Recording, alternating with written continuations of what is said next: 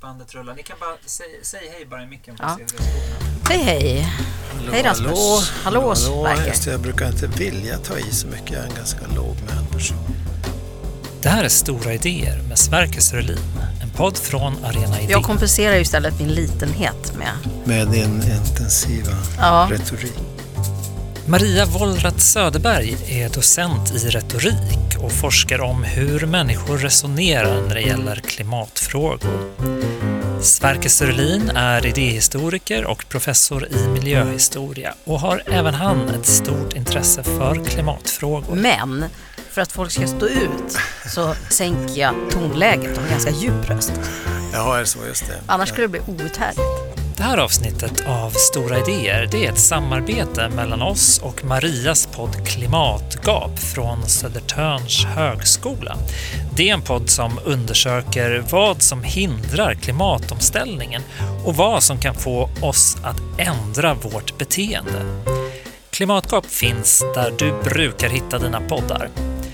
Så här lät det när Maria Wollratz Söderberg hälsade på i studion hos Sverker Sörlin. Speak low, speak slow and don't say so bloody much. Men... Jag tror eh, att vi just har spelat in på annonsen. Ja, så kan det vara.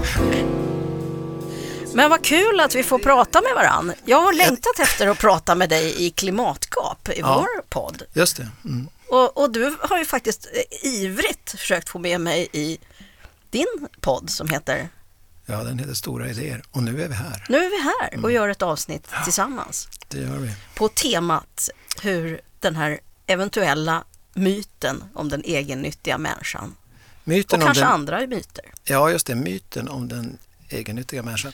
Du Sverker, Mm. eh, Du Maria.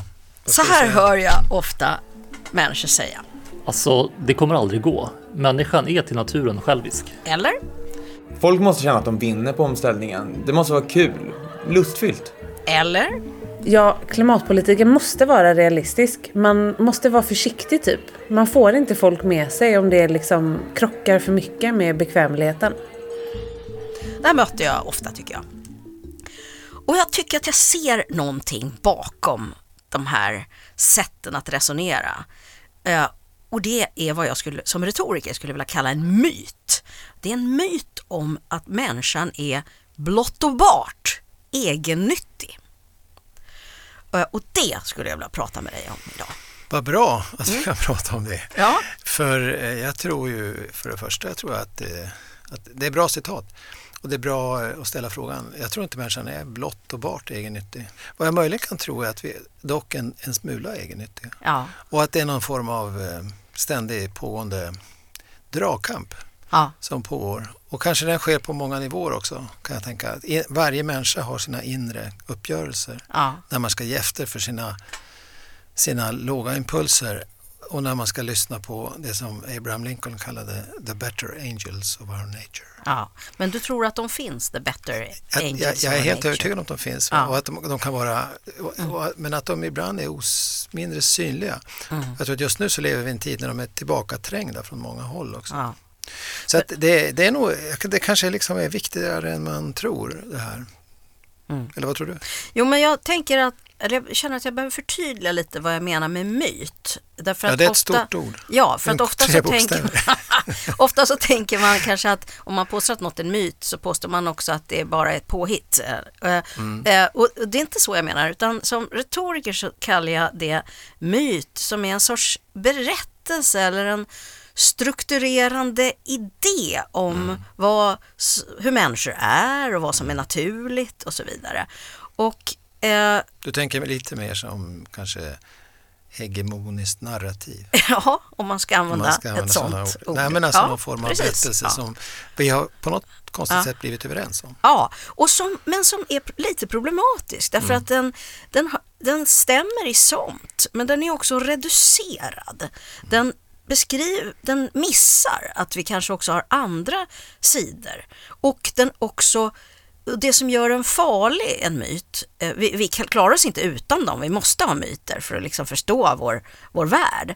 Men, men det är också så att eh, vissa myter, eller egentligen kanske alla myter på olika sätt, styr vad som vi uppfattar som rimliga och vettiga beteenden. Och de legitimerar också vad vi gör på olika sätt. Mm, nu börjar vi få en hel del att tänka på här. Liksom Ja. att det ska, dels är det myten Ja. i sig som man kan diskutera hur, Det här kanske hur blir ett riktigt jobbigt jag, jag, samtal. jag, jag, jag tror inte det blir så jobbigt, men däremot kanske det är jobbigt för de som lyssnar att förstå vad du menar just när Ja. du säger det där. På, du legitimerar, liksom. Ja. du, det här måste du förklara. Ja, nej men att man, eh, man, ja men ta det här då, att människan, som jag har sett en del, eh, jag och, min kollega Nina Worms som har forskat tillsammans om hur människor resonerar i klimatfrågor, så har vi sett eh, eh, rätt många exempel på att man hänvisar till vad som är mänskligt. Det är mänskligt att fela. Eller Ungefär man som kan en inte... bortförklaring, Ja, en precis. ursäkt. Ja. Man kan inte vara, eh, man kan inte alltid göra rätt och så vidare. Mm. Eller man måste få njuta, eller den typen av liksom uttalanden. Det, är en Man sorts, måste få liksom- unna sig. Man måste få unna sig. Eh, och de, de, de, de här, så att säga, motiveringarna kan man också kalla Mm. legitimeringar för att de gör det rimligt Mm. att tänka på ett visst sätt. Och då behöver man inte heller förändra beteende. Så vi hänvisar ibland till sådana här grundläggande idéer och tankestrukturer som ett sätt att, vad ska man säga, trösta oss själva. Så du tänker så här att det finns en alltså, bakomliggande, en sorts osynlig väv liksom, som Ja. vi alla går omkring i. Liksom. Ja. Och där, det, där vi, den säger oss liksom att vi är ofullkomliga varelser, Ja. vi är egennyttiga varelser och de flesta gör ändå likadant och även om jag gör något rätt så gör de andra det mesta fel. Och Ja. så, så varför ska inte jag också kunna unna mig eller varför ska just jag bära denna börda och så. Och eh, det vill säga vi är som, som egentligen Kanske här finns en punkt som jag tycker är intressant. Att det verkar som att det finns ett föregivet kollektiv då liksom. Ja, Som vi som individer ingår i. ja, Och just det här kollektivet är problemet. Du själv skulle möjligen kunna reformera dig. ja. Men varför ska du reformera dig när det är fruktlöst? Efter- Eller till och med mot människans natur. Ja, just det. För de här impulserna du har Ja. att söka det bekväma Ja. eller att inte göra uppoffringar och så. Den, det, det känner du. Ja. du. Du måste avstå från någonting som du Ja. kanske egentligen vill ha bara därför att du vet att det är gott. Här kan man ju ta det klassiska flygexemplet. Ja. Du ska inte resa på den där nöjsamma resan liksom, utan du ska istället avstå. Men vad tjänar det till och Ja. sådär. Ja visst, det är ju verkligen välkänt och, och jag, jag tror att eh, det brukar väl kallas för co- collective action. Alltså gemensam handling är jättesvårt att få till. Ja, Och där finns ju en annan, kanske också en myt egentligen, en sorts motmyt. Den går ut på att, det, att vi måste acceptera att det är lönlöst. ja, Och istället måste vi rikta allt fokus på den kollektiva handlingen. ja, Först när vi kan åstadkomma en kollektiv handling, då kan vi som individer gå med. Därför att då vet vi att de andra kommer att ställa ja, upp. just det.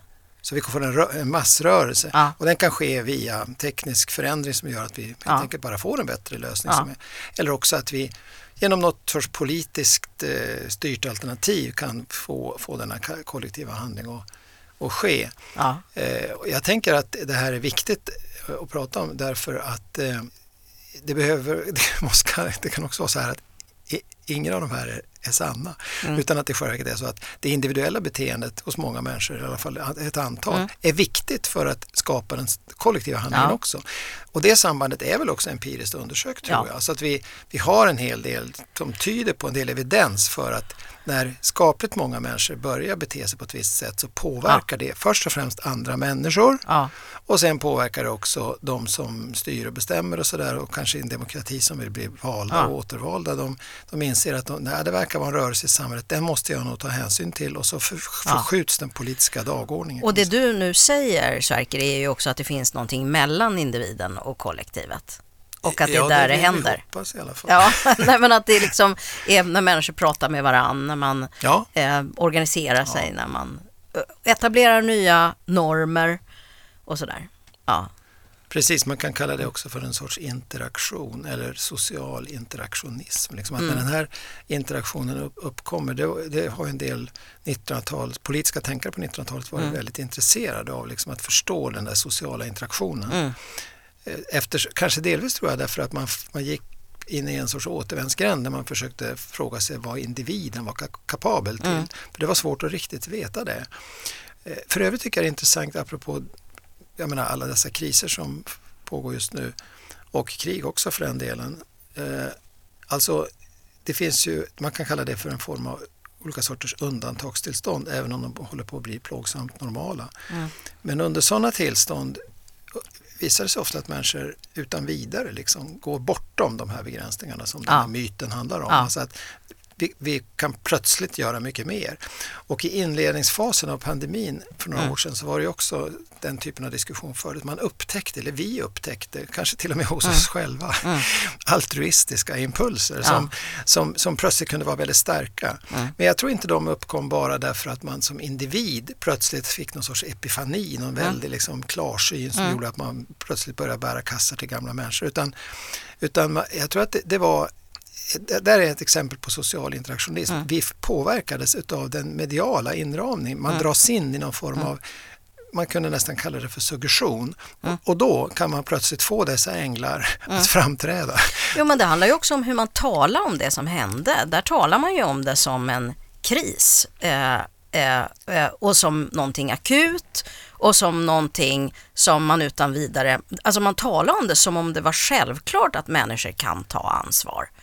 Eh, eh, man, Ja, och Ja. att man också kanske anslöt sig till högre värden som man nog upptäckte att man uppskattade. Till Ja. exempel att vi måste ta hand om våra gamla Ja. och sköra som man dessutom sa. Eller sina nära och Ja. kära. Men de nära och kära var faktiskt inte bara de närmaste och käraste utan det var Ja.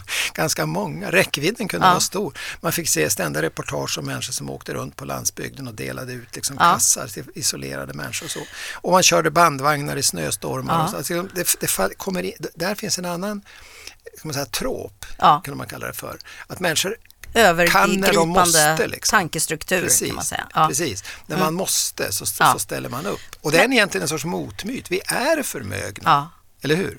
Men tänk då så här, om det, hur det hade varit om man på MSB när det gällde pandemin sa så här, nej, nej, nej, nej, nej, skräm inte upp folk och moralisera för allt i världen inte. Vi kan, kan istället lyfta fram några familjer som har haft jättekul när de har isolerat sig i sin lägenhet. De har spelat Monopol, de har inte alls saknat att hälsa på sina gamla. Ja. Så vad jag, vad jag säger med det exemplet är, är att eh, jag tänker att, jag tycker jag ser mer och mer att vi särbehandlar klimatkrisen. Vi pratar om den på ett annat sätt om andra kriser. Och ofta försöker vi förklara vår Ja. passivitet med, när det gäller klimatkrisen genom att säga att det är en annan sorts kris, den är långsamt, den är långt borta. Men jag personligen lever precis just nu i en annan Mm. kris kan man säga, svinpesten. Den eh, blommade upp här, här veckan. Du är Eh, precis, Fagerstabo. ja, precis där vi har vår gård. Vi får inte gå utanför vår gård. Du kan eh, hålla nu. dig för skratt i Ja. Fagersta. Och, och, och inte låter det så här på Länsstyrelsen och Jordbruksverket. Ja, vi måste betona det lustfyllda med att stanna i sin egen trädgård. Eh, och peka på allt annat kul man kan göra än att plocka svamp och vara ute i naturen. Nej, man säger helt enkelt, man talar om det på ett helt annat sä- sätt. Man säger nu måste vi ta reda på hur utbrett det här är och under den tiden Varför så får man inte. så? Ja, jag tror att det är en, eh, en sorts annan berättelse som har fått fäste. Så jag tycker inte att förklaringsmodellen att det här är en annorlunda kris räcker hela vägen. Men kan det inte Ja. ändå vara så, tänker jag, jag, jag Ja. du vet bättre eftersom du är där, men jag försöker föreställa mig, då tänker att det är ändå någonting här och nu. Ja. Man står på sin egen gårdsplan liksom, Ja. och pratar med någon från Jordbruksverket liksom, eller någon sådär veterinär. Så, och, så, och, så, och så står det några gubbar med bössa på axeln och ska gå ut i skogen. Så att, Ja. Väntar man inte till någon abstrakt framtid utan det är faktiskt här och nu. Och att då, då kanske man inte frågar i första hand efter om det är kul utan jag menar till och med att plocka bär är ju kul på ett sätt men också ibland lite jobbigt. Men man gör det liksom när det är den tiden. Man har Ja. tio dagar på sig liksom och sen är hjortronar omo- Ja. inte roliga att plocka längre. Så, så att det, det tror jag nog har kan ha en viss betydelse i alla fall. Men jag tror att det, det du, om jag försöker tolka det du säger mellan raderna, då tänker jag liksom som, nej, finns det lite lätt konspiratorisk tanke där. Nämligen att, att eh, som inte är så dum faktiskt tror jag, nämligen att jo men alltså det finns ju, vi måste ju leva Ja. och vi måste ju upprätthålla konsumtionen. Ja. Och det här kan man inte lösa så här enkelt och det vet vi också. Kylskåpet är tomt också det efter tio dagar. Ja. Så att vi måste ha någonting nytt att stoppa in där. Så det här, the show must go on liksom. Och det gör att du ska inte, jag tror att i den där my- myten får man liksom, kan man lägga till också den här lite, ska man säga, hånfulla. Myten om, om det egennyttiga. Ja, just det. Så Mm. liksom, även det hånfulla. Liksom, s- på, liksom, sådär, du tror inte tro att du klarar utan det. Liksom. Du ska Mm. inte tro att du klarar helt utan det här stora konsumerande samhället. Ja. Du kan inte mäla dig ut. Liksom. Nej. Du kommer att dö. Ja. Du får inga vänner heller. Och Nej. sådär. Så att det, jag, tr- och, och, och, det, jag, även om jag ogillar det, liksom, den, detta hånleende så måste man säga det finns ett element av realism i det också, Ja. att vi måste faktiskt leva. Och då, då kan man säga att det krävs lite mer organisation så, som också tar tid och är väldigt komplicerat jämfört med den där påslaget som, som var vid pandemins Ja. början och påslaget som är i Fagersta. Dessutom är det ju så att myndigheterna är där. Ja. Man skulle kunna säga att en annan skillnad som är lite egentligen onödig kanske, det är ju att det inte är några myndigheter eller några stödjande strukturer där när vi börjar bekymra oss, som vi ska göra för Ja. klimatkris och Ja. klimatanpassning. Eh, på samma sätt som man är på en gårdsplan när en gris hotas. Liksom. Ja. Det, det är liksom en Men sorts disproportion. Fast jag eller hur? undrar ändå, nu låter det som på din beskrivning som om det här med grisarna är, är just närmare och mer här och nu. Men det- för är mig är det ju egentligen inte det. Det, det, är ju, det är ju åtgärderna som kommer nära mig, inte själva problemet. Alltså med, jag har inte sett några döda vildsvin och, och, och det är ju inte så att jag kan bli sjuk av svinpesten, utan det här är ju någonting man gör för att minska en risk i framtiden. Och som handlar om att inte eh, grisbesättningar ska få, få pest och att Sverige ska få dåligt rykte som fläskexportnation och så vidare. Så det ligger egentligen ganska långt från mig. Det som kommer nära mig är åtgärderna. Ja, just det. Så det är Mm. egentligen och, också, jag tror jag försökte säga nästan liknande, nämligen bristen på åtgärder Ja. när det gäller det långsiktiga klimathotet. Ja. Vi tycker många av oss att det är akut. Vi ser det nu Ja. runt omkring oss. Det går inte att förneka längre. Eh, men- det, det, det riktigt hemska ligger ändå i framtiden. Ja. Det blir värre och värre. Ja. Liksom. Och, och det är just därför vi skulle ha dem på vår gårdsplan här och nu. Ja. Det skulle komma någon, ungefär som de är så himla pigga på att dra in någon fiberkabel eller byta ut någon dosa på väggen och sådär. Du behöver inte ens ringa efter dem. Nej. De jagar dig. För att du ska liksom konsumera på ett nytt sätt, liksom ansluta dig till ännu fler saker. Det behövs inget, inte ens en myndighet utan Nej. det kan kommersiella företag klara av. Men däremot om någon ska lösa ett jätteproblem, nämligen Ja. klimatet, ringer de aldrig. Nej, De stödjer det inte som medborgare. Nej. Så det är den stora det skillnaden. finns inte ens en myndighet som har klimatkrisen som kris på sitt bord. MSB jobbar ju med anpassning i och för sig, men att, att förhindra eller stoppa klimatkrisen, Nej, precis. det jag håller ungefär inte. 73 föredrag om detta, Ja. just om MSB Ja. och sagt att de är jättedåliga uppströms. Ja. De har filtar och bredbukiga flygplan. Ja, och lite medicinlådor och den typen av grejer. Det är jättebra att de har det, men de har liksom inget uppdrag att söka sig uppåt och försöka hindra att kriserna Nej. överhuvudtaget nej. uppkommer. Och det har ingen annan Det är heller. alldeles för svårt för dem. Och det skulle behöva tänkas på helt nya sätt om myndighetsstrukturer för det.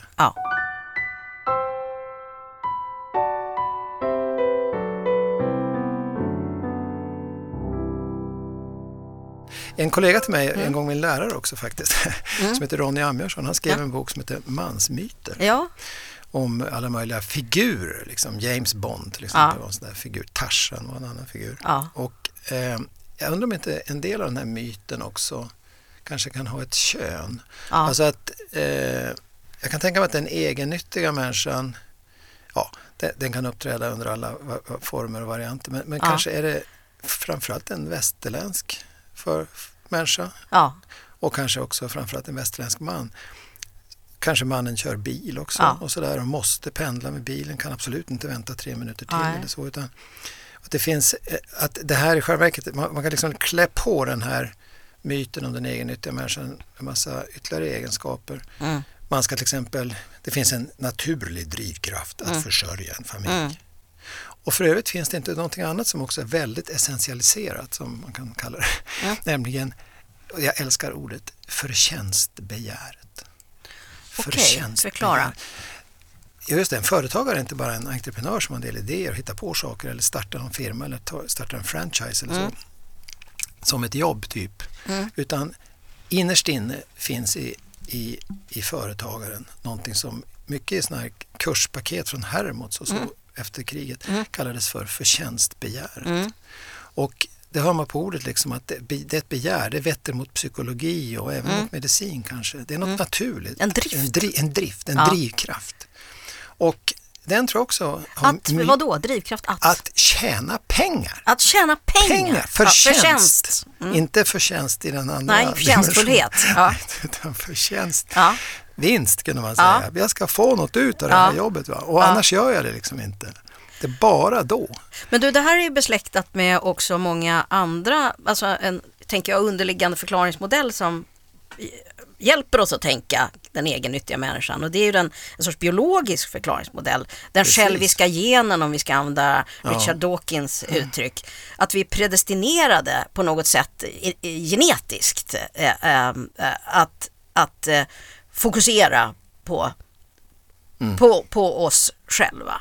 Genes are immortal in the sense that the coded information they contain is reproduced, is replicated generation after generation after generation, such that there are genes which are identical to what they were tens of millions of years ago, hundreds of millions of years ago in a few cases. And that means that the difference between a successful gene and an unsuccessful gene really matters. It's going to matter for millions of years. So th- the genes that make it through those millions of years are the ones that are good at it. Och jag det- tror att för, i ja. Mm. teorin om förtjänstbegäret så spekulerar man liksom att det räcker inte med att liksom leva i hand i mun. Ja. Förtjänsten och liksom bygga upp någonting, det har att göra med Just det. förråd, Just det. samlande, Ja. långsiktig överlevnad. Ja. Och den här, jag säga en annan eh, idé, liksom att man hela tiden kan återföra någonting på någon sorts Ja. biologisk varelse. Ja. Jag tror att det finns en viss begränsning för hur långt man kommer med det och ordet förtjänstbegär tror jag lite grann har Ja. fallit ut ur vokabulären. Man pratar kanske hellre om eh, bekräftelse, Ja. liksom framgång, liksom man har psykologiserat på lite andra nivåer. Och man har psykologiserat det lite socialt och tittat på hur det här drivs socialt. Att vi liksom får vår identi- identitet genom att konsumera och vara en del. Vi skapar Mm. upp vår status i samhället genom vad vi äger och, och, och sådär. Absolut. Ja. Jag levde faktiskt några år av mitt liv tillsammans med en, en for- forskare, en konsumtionsforskare som höll på just med dessa saker. Jag tycker det var extremt lärorikt. Förstod liksom den här typen av forskning och satte mig in i den. Jag tror att det ligger väldigt mycket i den, att identitet faktiskt går att bygga med olika typer av attribut. Ja, Och att vi gör det utan att vi riktigt Ja. tänker på att vi gör det. Men det har ju då använts för att kunna öka konsumtionen. Ja. Det har blivit en oerhört viktig Ja. ska säga, insikt för, för eh, marknadsföringsindustrin eller branschen. för det, problem, det är väl helt klart att, det- att, vi, att vi funkar så här. Det behöver vi ju egentligen inte i sig frågasätta. Men det betyder inte att vi inte också funkar på andra sätt. Jag tänker på mig själv hur jag, eh, jag, jag älskar att plocka bär och svamp och odla saker. Och jag har två jordkällare och ett kylslaget pumphus där förvarar alla mina konservburkar som jag har gjort och sylt och äppelmust. Och så går jag in dit och så stryker jag de här burkarna lite lystet med handen och känner mig som eh, en rik människa. Och så- och, och, Det är det är lite grann så här eh, som, som eh, Gollum. Eh, det, det, det känns i hela kroppen bra på något sätt. Så att, Mm. och, och, och på något sätt känns det som jag är i någonting väldigt ursprungligt eh, i, den, det, i det begäret. Ja, kanske också man kan tänka på sådana här kickar som också Mm. de här riktigt smarta manipulativa psykologer kan hjälpa oss att Ja. åstadkomma på nätet. De arrangerar liksom belöningar Ja. i. Jag tror att det, det, det, det, på den meningen finns det enkla eller elementära liksom, Ja. mekanismer i människor som, som går att använda för sådana syften. Man kan också locka in människor i sekter Ja. och så. Man kan få dem att tro ganska konstiga saker och så. Ja. Så att det, det, finns, det finns vissa saker som vi inte kan bortförklara här men det, det säger ju inte att vi bara är egennyttiga och bara är biologiskt drivna och bara är manipulativa. Eller att det är meningslöst eller naivt att kämpa emot sådana impulser.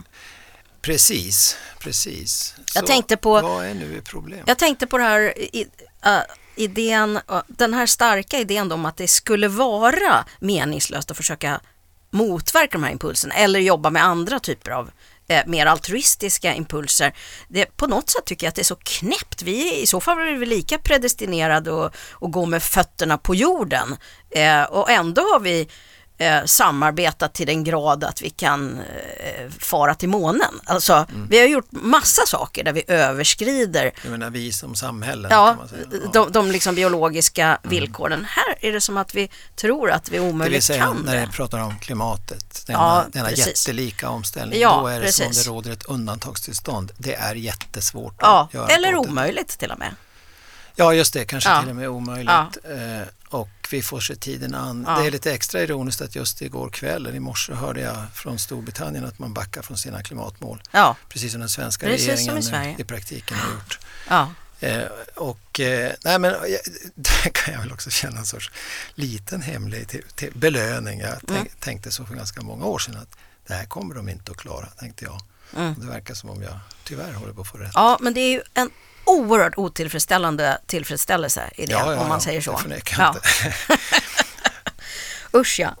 Ja, men då, då skulle jag vilja borra lite grann i det här med altruism och vad vi tänker Mm. kring det. Alltså, för, för um, ibland hamnar man i en väldigt platt diskussion som är ungefär så här att uh, altruism finns inte för att om, för att uh, uh, vad man än, om man gör något som är av omsorg för andra så är det ändå till syvende och sist eh, någonting man vinner på eller som man tror att man vinner på. Alltså är det också egennyttigt. Och jag tycker vi skiter i den. Eh, eh, Ja, det är ett sofistiskt argument. Ja, ska jag och det, det, det, det leder liksom ingen vart. Utan vi respekt. tar ut... Nej, det blir liksom hopplöst att diskutera och ordet förlorar sin eh, mening.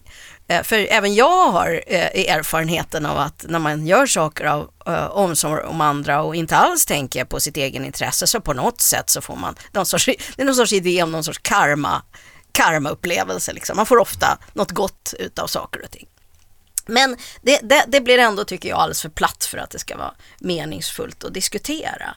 Men ehm, eh, vad säger du? Ja, jag har något att säga där. Ja. Altruism, alltså den, den klassiska mot, motargumentet från altruister Ja. är väl att göra ungefär som Kropotkin en, en gång Ja. gjorde och talade om samarbete som en faktor i evolutionen. Ja, Han var ju wholesale, Ja. liksom in, all in för att tro på evolution eh, och var väldigt receptiv och kreativ i alla, alla dimensioner på något sätt. Och, och han, han, det fanns redan då rätt mycket empiri, som tydde- nu har vi ännu mycket mer empiri. Finns väldigt mycket helt enkelt som talar för att vi är, om vi är duktiga, som du nyss var inne på, vi, vi kan göra jättemycket saker genom att samarbeta i samhället.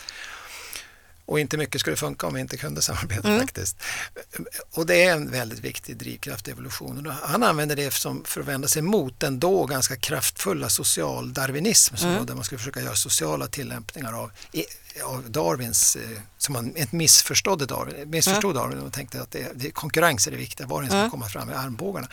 Och då sa han ungefär så här att eh, hej nu, liksom, stanna upp lite. Vi, vi vet att vi kan klara oss bättre om vi samarbetar och vi ska absolut inte låta de svagaste i samhället dö på gatorna bara för att vi, vi ska inte hjälpa dem. För det var en av socialdarwinismens mera liksom, otäcka sidor. Det var att man skulle minska på socialhjälp, minska stöd och understöd och minska också på medmänskliga kontakter och så. Så att det, det tror jag fortfarande på något sätt gäller som en som ett argument för altruism. Sen skulle jag vilja tillägga en sak som, som har betytt mycket för mig på sista åren.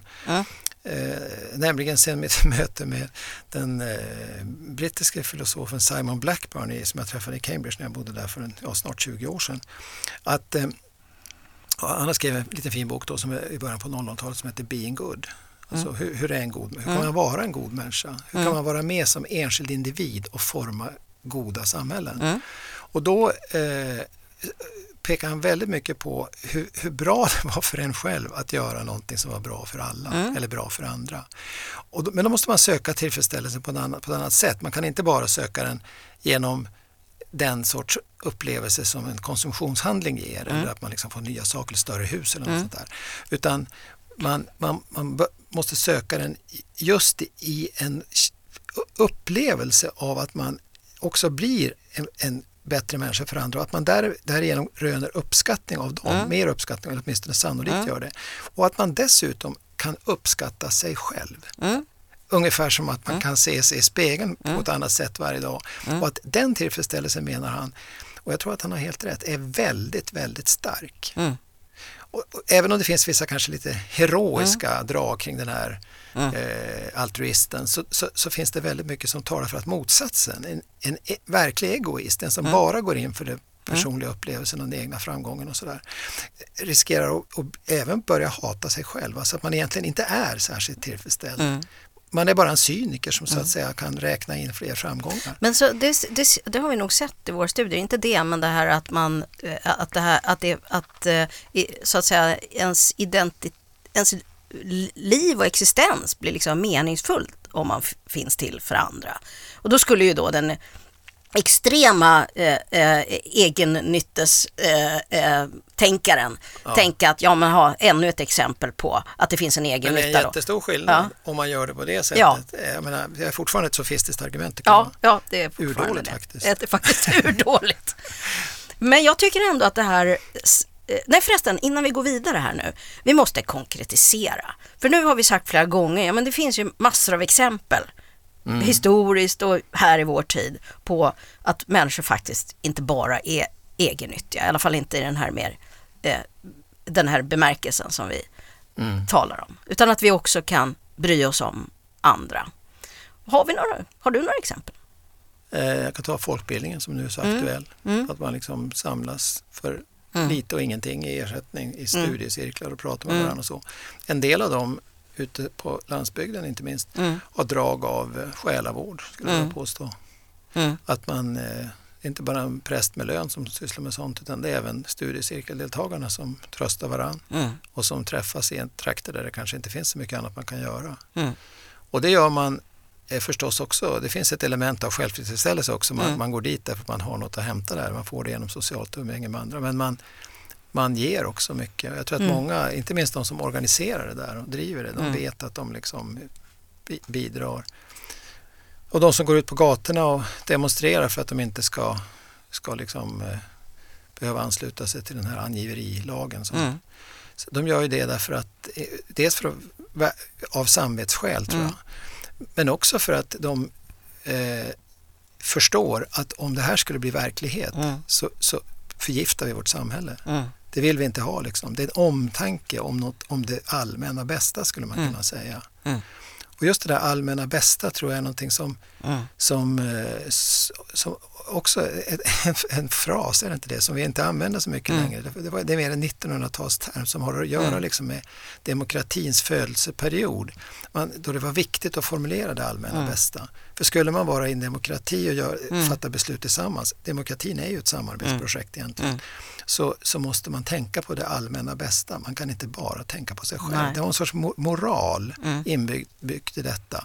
Mm. Och det ordet tror jag för övrigt är väldigt viktigt att, att ge akt på nu. Verkligen fästa blicken vid ordet moral. Men Känn- det är väl intressant för jag kan tycka att i den här diskussionen ytterligare ett tecken på den här eh, egennyttesmyten det är ju att, att moral är, är, finns inte med så mycket i, det- i klimatdiskussionen. Eh, diskussionen. utan det jag hör ofta bland både människor som jobbar med att åstadkomma omställning och bland politiker det är att vi får inte moralisera, vi får inte skambelägga och så vidare. Det här ska man göra för att eh, man har lust och för att man vinner på det och så vidare. Det finns liksom med där. ja, vad Eh, tror du det beror på?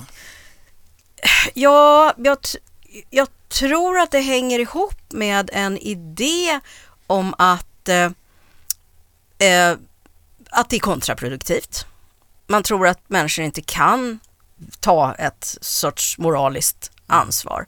Men det frånkopplar, alltså på något vis kopplar ju det bort människans, ja men det vi brukar kalla för agens, alltså detta att vi faktiskt är en sorts aktörer som har en möjlighet att påverka. Mm så så att det, jag tror att det är olyckligt. Det är dessutom rätt så mycket som tyder på att, det, att moraliska skäl är viktiga för de som faktiskt eh, ställer om. Ja, som du märker Ja. så argumenterar jag ju lite moraliskt här. Eller? Ja. Och, och jag, jag tror att det är viktigt att tänka på moral. Jag tror att de som då tycker sig ha någon roll i den här omställningen, de eh, är nog dels grip, gripna av en viss skräck när man pratar om moral. Därför att de, skräcken består att om man börjar prata för mycket moral, precis som du är inne på, Mm. då, då kommer folk att fly. Mm. Men det vet de ju faktiskt inte om Nej. människor kommer göra. Det skulle kunna tas på större allvar faktiskt. Och jag tycker det vi började prata om Ja. med pandemin och Ja, till exempel kri kriser, kristillstånd, Mm. är liksom att då, den som då säger att ja, nej, jag ska inte vara med och sådär, blir, blir klandrad för att man inte ställer upp. Mm. En fanflykting så att Ja. säga, som, som sviker av moraliska skäl. Då är Mm. moral plötsligt väldigt viktigt. Mm. Eh, jag tror att eh, de dessutom kan ha en annan, mindre tilltalande liksom, för den där oron att folk flyr, Mm. det är ju egentligen sund. Alltså Mm. att man, vi ska ställa upp på det här tillsammans, så, så stick inte och därför är jag lite försiktig i mitt språkbruk Mm. för att inte skrämma bort er. Mm. Eh, det jag tror att du menar det är att de istället skulle säga usch vad allvarligt det här är. Mm. Och det kommer att vara lite jobbigt här. Vi kommer, måste faktiskt ändra på saker. Mm. Till exempel vår livsstil, Mm. för att ta ett ord i den här diskussionen. Då, då, då krävs det någonting utav er också. Mm. Och, och, men jag tror att den, den lite mindre tilltalande sidan, det är, det är att de egentligen faktiskt också innerst inne är väldigt måna om att under tiden som vi håller på med de här, den så kallade omställningen så ska business as usual faktiskt fortsätta. Det Ja. ska inte ske någon riktig omställning för fort, för det är för farligt. Ja. För vad då? Ja, för konsumtionen, Ja. kanske till och med för Så det är ett samhällsordningen. väldigt tacksamt argument att använda. Man får inte moralisera. Nej. Då kan vi fortsätta med Och det business beror as inte på mig om det inte Nej. sker. Trots Nej. att det kanske var dig det berodde på när Ja. du sa att vi ska liksom inte vara moraliska. Ja. Vi, ska, vi, ska liksom, vi kommer att ha kul under tiden och det kommer att vara jättetrevligt. Herregud vad kul det kommer att bli Ja. att vara och hålla på med omställning. Ja. Oj, oj, oj, vi kommer att le allihop och allting kommer att bli jätte, jättefint och jättesnällt. Men det säger ingen Nej. i Fagersta tror jag. Och Nej. det säger heller ingen om det är krig. Nej. Så det är en, jag tycker att det finns en sorts särbehandling av klimatkrisen. Men då, då måste jag fråga utifrån det här. Ja, är, vi, är, vi- är vi jättebebisar? Har vi blivit jättebebisar? Är det en sorts infantilisering? Är det ett sätt att beskriva det här? Jag kan tycka att vi behandlas liksom... Är mer- du en jättebebis? Det tror jag inte att du är. Nej, Du vill men... väl egentligen säga att vi är inte alls jättebebis? Ja, ja, det vill jag ju, men en bebis har liksom nästan bara sina drifter, och, Ja, eller hur? och en liksom. omedelbar behovstillfredsställelse precis, vill man den ha. ligger där Ja. och fäktar med armarna och Ja. gapar och sådär. Och får den inte som den vill så skriker den liksom. Det är Ja. det enda den kan Ja, göra. och föräldrarna Att man reducerar pysslar liksom den här- och gullar och gör livet Myten om behagligt. den ja. egennyttiga människan det är Ja. liksom att det är en människa som är reducerad till Ja. sina eh, si- Drifter. Sina, sina drifter och impulser, Ja. den här tillfredsställelsen Ja. och, och inte kan föreställa sig egentligen ett större sammanhang Ja, där man Så. ingår kan man ja, säga. Det är förstås en väldigt elak beskrivning. Det är en väldigt elak beskrivning, eh, men kanske inte helt falsk. Den här människan som jag tror att föresvävar dig när, du- när du Ja. klandrar egen, den här myten om egennyttan, det är en deltagande medborgare som tillsammans med andra kan dels av moraliska och liksom, förnuftsmässiga skäl ändra sig själv till att börja Ja. med, men också tillsammans med andra agera för att denna förändring ska liksom sprida sig och leda till, ja, precis det allmänna bästa. Ja. Eller hur? Och att det, det, liksom, bebisen kan inte tänka ut det allmänna bästa. Det finns inte inte på den kartan eller den horisonten. Och Nej, och då del- kan man heller inte klandra den. Är man en baby så har man ju den här begränsade Ja. förmågan. Men jag tycker vi resonerar ganska mycket så när vi talar om nudging eh, till exempel. Ja. Eh, och jag tycker också hur, jag såg förra veckan ett aktuellt avsnitt eh, som, där det först var ett reportage om Libyen eh, där man gräver ut sina döda Eh, eh, och jag, tiotusentals döda har jag för mig att det var eh, fråga om. Och sen direkt efter ett eh, avsnitt med den här eh, såpa och politikerkändisen Jan Emanuel. Där, eh, och det handlade om klimatdemonstrationer. Eh, och han klagar för att han inte kom fram i trafiken och säger det ska inte gå ut över vanliga människor. Jag tycker, kolla på Greenpeace. N- när de ser att det är just det där kraftverket, det är kolkraftverk, det är riktigt dåligt för miljön. Då ger man sig på, då åker man upp i kolkraftverket, sätter upp sina, sina banderoller. Men du, du har ju aldrig fått för dig att ge dig på helt vanliga, hedliga folk som är på väg till jobbet. På något sätt så, bara genom att göra ett sånt avsnitt av Aktuellt, så legitimerar man ju det här synsättet att vi är, är, är jättebabysar på något sätt. Ja, man kan ju också Ja. säga att eh, den stora jättebebisen här är Ja. kanske Jan Emanuel då som Ja. inte förstår bak och fram kan man säga. Nej. Han, han, han blir mer som en statistiskt absurd fars som kanske ofrivilligt då SVTs redaktion, aktuell redaktion. Ja, men ja, det presenteras inte som en Nej, fars. nej, precis. Utan Men som du ett inser att det är så och Ja. jag förstår det också. Så att vi ser den där farsen, men alla kanske inte gör det, det har du nog helt rätt i. Men jag, jag, jag, jag tror att eh, på det sättet är ju de där tablåerna, liksom, nyhetsinslagen ibland Ja. just eh, ofrivilligt komiska. Ja. Men sambandet är ju att vi måste agera på något sätt eh, och att han förnekar det är ju konstigt. Men just den här rätt, ska man säga, eh, man kan säga att han framställer som rättskaffens. Han håller minsann på ordning och reda. Man ska inte gå över några gränser, vi ska ha lagar att hålla oss till och sådär. Så att den enskilda människans, man kan säga, futtiga behov att komma fram i trafiken eh, kontrasteras mot en mycket större fråga. Och det är väl den kollektiva handlingens ska vi säga, dilemma. Mm. Vi borde vara väldigt många som Mm. faktiskt kliver ur bilarna och kliver av cyklarna och Mm. solidariserar oss med de som sitter på Mm. asfalten. Eh, men i den sociala situationen är vi liksom losskopplade från den här eh, lavinen av gyttja och vatten som liksom dränker tusentals människor i Libyen. Mm. Hur, hur man upprättar det sambandet, det, det kan vi inte heller förneka att det är en, kom, det är liksom en svår utmaning att Mm. göra. Hur ska vi arrangera, re, om, arrangera om våra egna Mm. beteenden och samhällen så att de minskar risk på en global nivå? Mm. Det finns liksom en skalskillnad mellan den där trafiksituationen där den här stackars jättebebisen Mm. Emanuel då befinner sig och de, de döda i, i Libyen. Men en sak till som jag ser nu när jag berättar det här för dig, det är ett, ett annat eh, begrepp som man skulle kunna använda för att beskriva jättebebisen eh, som jag har hört användas, det är exceptionalism. Det är att vi tänker att vi är unika eller vi har särskilda rättigheter. Eh, och det tänker menar man ju vi också som att art? Eller? Ja, nej, vi människor här grupp. i Sverige, i Ja. västerlandet eller Jan och Emanuel eller jag själv i förhållande till liksom... Bilister i Stockholms innerstad Ja. kanske, Ja. kategori också. Nej men hela, ja vi kan ju tänka att Sverige, eh, eh, vi är redan så duktiga eh, och, och vi ska inte behöva eller, eh, eller jag är jämfört med mina grannar eller det finns någon som är värre. Alltså på något vis, eller min resa är så himla viktig eh, eh, och, och så vidare. Entitlement brukar man kalla det där. Ja, Jag, har, jag, liksom, jag har rätt Ja. till någonting. Ja. Jag kan tänka mig att en, om man ska söka en förklaring, Ja. jag är historiker så jag tänker historiskt. Ska, hur, hur kan det vara så att man tänker att ja, det är så viktigt att just jag Mm. måste komma fram? Det finns en, man kan rationalisera det på många sätt. Mm. Det är viktigt att jag kommer fram för jag har ett viktigt möte. Mm. Och där ska vi göra upp en affär Mm. Som kanske kan betyda jobben Mm. för hundra människor i till exempel Mm. Fagersta.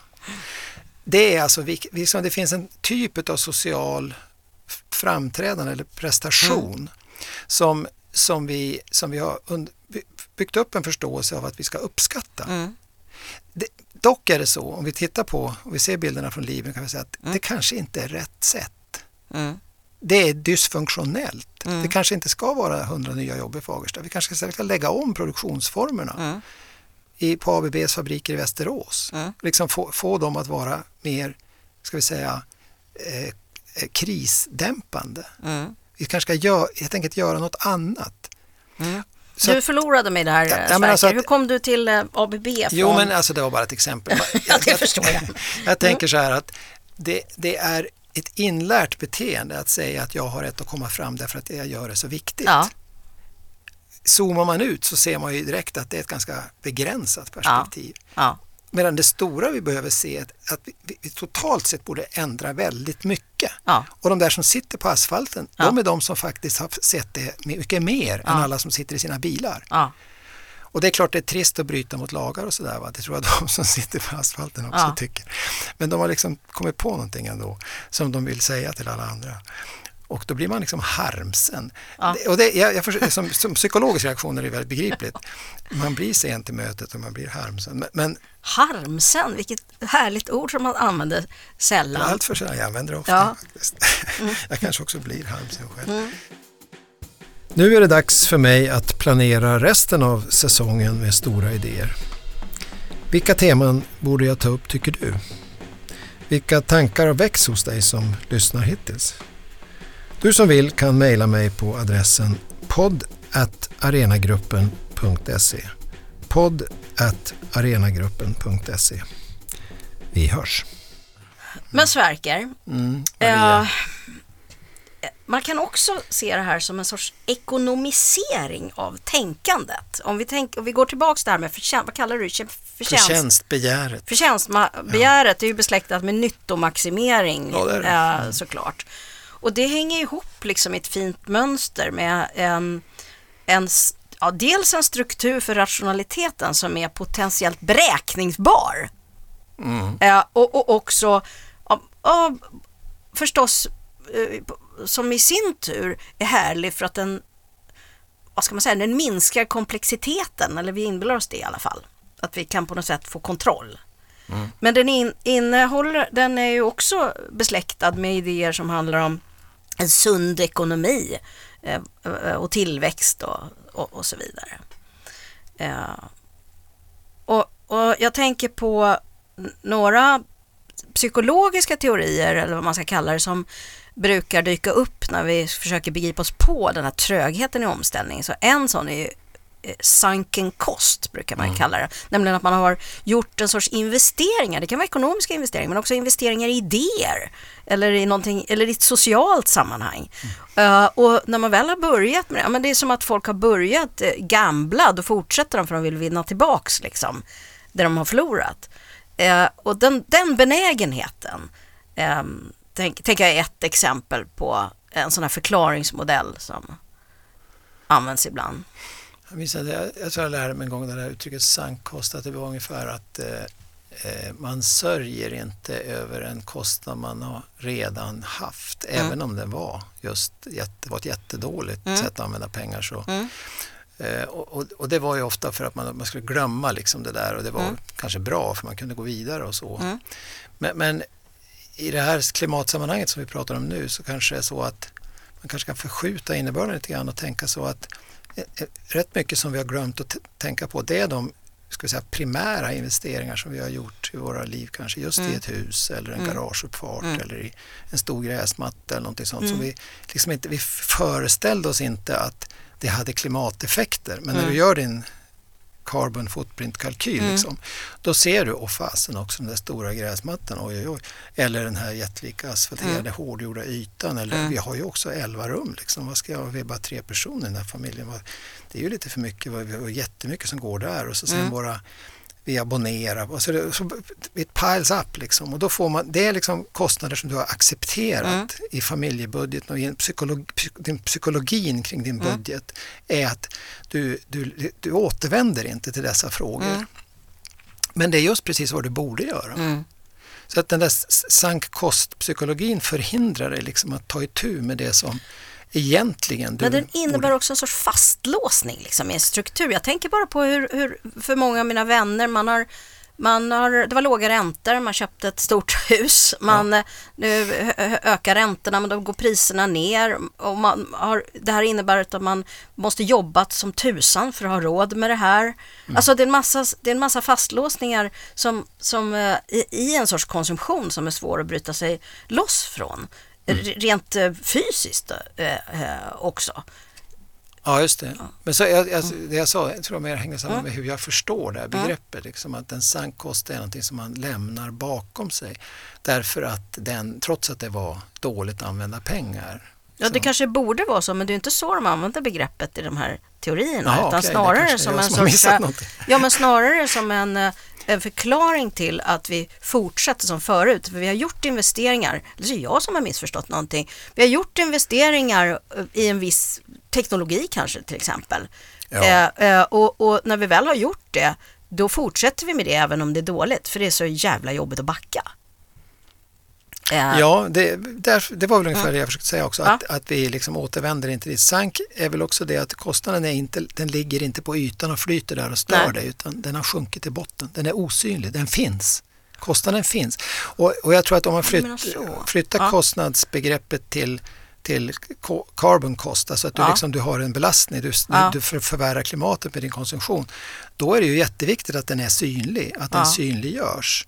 Så det finns det är ju en... Det gör man en del när man börjar nu prata mycket mer om omställning i termer av försäkringar.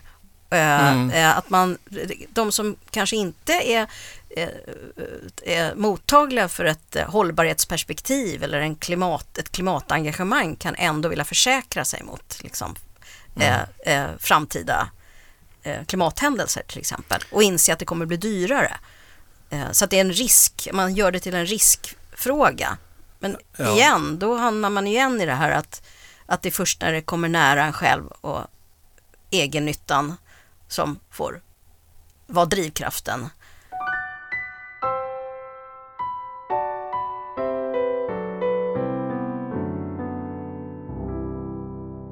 Men du, jag. jag ser en annat, en annat idékomplex här som liksom korsar de här föreställningarna om människan och det har att göra med hur vi ser på vad som är rationellt. Eh, för att man kan ju se det som att vi är superrationella utifrån vår egen vinning och egen nytta. Eh, och och, att, och då, då tänker man ja, men att inte inse att folk funkar så, det blir eh, irrationellt och dessutom orealistiskt. Och att den som tror då på det så här goda i människan, att det finns altruism, den är naiv och lite korkad. Ja, så alltså så kan man se det. heta. Men samtidigt så kan man ju se det som att vi är fruktansvärt irrationella. Och det är därför vi inte klarar klimatkrisen. Alltså det rationella borde väl vara att liksom växa upp och ta tag i det. Och inte hålla på bara och gå mot avgrunden eh, helt lallande. Men istället så liksom håller vi på med någon sorts önsketänkande. Vi blundar för kunskap som inte passar oss. Och, Eh, och, när, och vi kan inte backa fast vi egentligen kanske borde. Och då, kan, man- då är det en del som har förklarat det som att ja, men vår kognition spelar oss ett sorts spratt här. Det finns ju en del psykologer som har fokuserat på hur irrationella vi människor är. Eh, och, och det är liksom, det blev väldigt populärt att läsa om det. Det är Robert Gifford som har skrivit om Dragons of Inaction kallar han det, eller Per Espen Stocknes som har, har, har, har lyft det. Och, och det blir liksom lite pikant, det är lite som Lyxfällan där vi får förvasa oss över, över andra eller oss själva. Att det, det, är det inte lite grann knutet, hela resonemanget där kring tidshorisonter Mm. och, och att det faktiskt kanske man måste acceptera som något, något av ett Mm.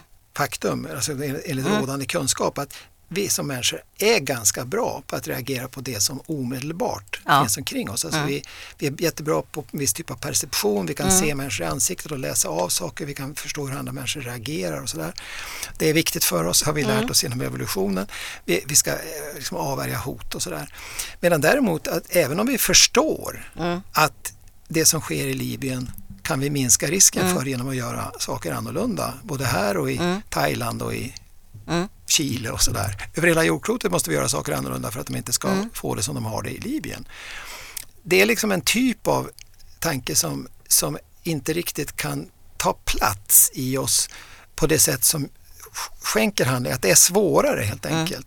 Men Och att- är det Ja, jag tror att det är Är, svårare. men är det, ja, det tror jag också. Men är det essensen i händelsen som är annorlunda när det gäller klimatet? Eller är det hur vi pratar om det? Alltså för jag, för jag tänker att men då kanske vi måste jobba mer med att omedelbargöra Ja, det tror jag. eh, eh, klimatkrisen. För vi lyckas göra det med den här svinpesten. Ja, just det. Fast den egentligen eh, inte berör mig alls så berör den mig. Alltså, Ja, för den har omedelbar du får gör- inte gjorts. röra dig där längre därför att då Ja. kan du föra smittan vidare. Ja. Så den berör dig även om du inte har någon ja, gris för eller att inte den kan har bli sjuk själv. omedelbar gjorts för mig. I Ja, det här det. fallet med Precis. regler. Just det, precis. Och omedelbargörandet av Ja. Libyen Ja. och allt extrema väderhändelser, det är liksom att det är för, liksom sambanden Ja. är komplicerade och dessutom tror jag det finns ett annat problem här och det är att även om du ändrar dig Ja. Och kanske dina grannar Ja. så är ni osäkra, inte bara imorgon och en vecka och en månad Ja. utan kanske i åratal Ja. på om det betyder någonting för helheten. Jo. Det vill säga, det måste finnas någon form av känsla av att vi gör det här tillsammans, lite fler. Och det kräver helt enkelt politik och samordning och sånt där. Det kräver Parisöverenskommelser. Men det fungerar ändå inte. Så liksom den här bristen på rationalitet är egentligen allra störst på den största skalan. Ja. Där liksom en massa olika typer av egenintressen. Och så har vi rena sabotörer då som Putin och Ja. andra. Det är gott om dem. Ja. Och ibland har de regeringsmakten i olika Ja. länder. Jag måste skjuta in apropå med omedelbarhet. För mig, det, det är en bi, det är en liten blindtarm här som jag går in i. Eh, För mig blev klimatkrisen ännu mer omedelbar i somras av den enkla anledningen att vi hade en skogsbrand eh, eh, som tvingade oss att evakuera. Det var så otroligt dramatiskt och jag stod själv med brandslangar och släckte branden. Men jag tycker ändå att det, och det först- då tänker jag så här, ja men det är klart att man reagerar så och alla upplever inte en skogsbrand och, och gör det sambandet och sådär. Men det hände ändå någonting fantastiskt som jag tycker ändå anknyter till det här samtalet Ja. hundratals människor från eh, eh, naturligtvis byalaget, men också byarna runt omkring, från hela bygden och folk som kom åkande dessutom ännu längre ifrån, ställde upp och gick nattskift och turades om och bytte av varandra och samordnade sig på fantastiska vis för att hjälpas åt att släcka den här branden. ja. Eh, Det var omedelbar gjort så det att säga var omedelbar gjort av sig själv och inte bara för mig som bodde i den närmaste gården. Eller- Jag tycker att det är frånvarande i, i berättelsen just nu att det faktiskt finns en massa människor också, för få och för långsamt, men ändå väldigt många människor som ställer om och gör saker. Och det, vi har också massor av exempel i historien. Och framförallt när man har fattat att det är kris. Jag tänker på ett, ett spännande exempel är att eftersom jag har forskat om hur människor resonerar när det gäller flygande så blir jag med jämna mellanrum varje gång Swedavia släpper sin kvartalsstatistik, eh, tror jag det är de gör, så blir jag uppringd av journalister som säger så här Hörru du, nu har det kommit ett pressmeddelande från Swedavia här att flygandet ökar och, eh, eh, eh, och jag vet faktiskt inte om det är Swedavia som skriver eller journalisterna som uppfattar det som att det aldrig har varit så högt, eh, eh, det har aldrig varit så mycket flygande som nu utan att det bara ökar och ökar. I Sverige menar Ja, du? i Sverige. Ja. Mm. Eh, Och då så, varje gång säger jag så här, men har du kollat statistiken? Ja, jag tror inte det. Jag Nej, att det har de inte. är tillbaks på Just nu är det, det här hände bara precis häromdagen igen. Eh, och den här journalisten var övertygad om att vi flög mer än vad vi hade någonsin gjort förut. Och hur kan det komma sig, trots den flygskamsdebatten, trots klimatkrisen, är folk helt galna? Det var den frågan som ställdes. Jag, jag kollade genast statistiken, den är mycket lätt att hitta. Och om jag jämför de, de månader som har gått det här året med föregående, nej, med föregående år så är det förstås en ökning. För det var ju precis efter pandemin. Men jämför man det med 2018 när flygandet toppade och innan flygskamsdebatten drog igång, då är det en minskning på 31 procent. Det är en dramatisk minskning.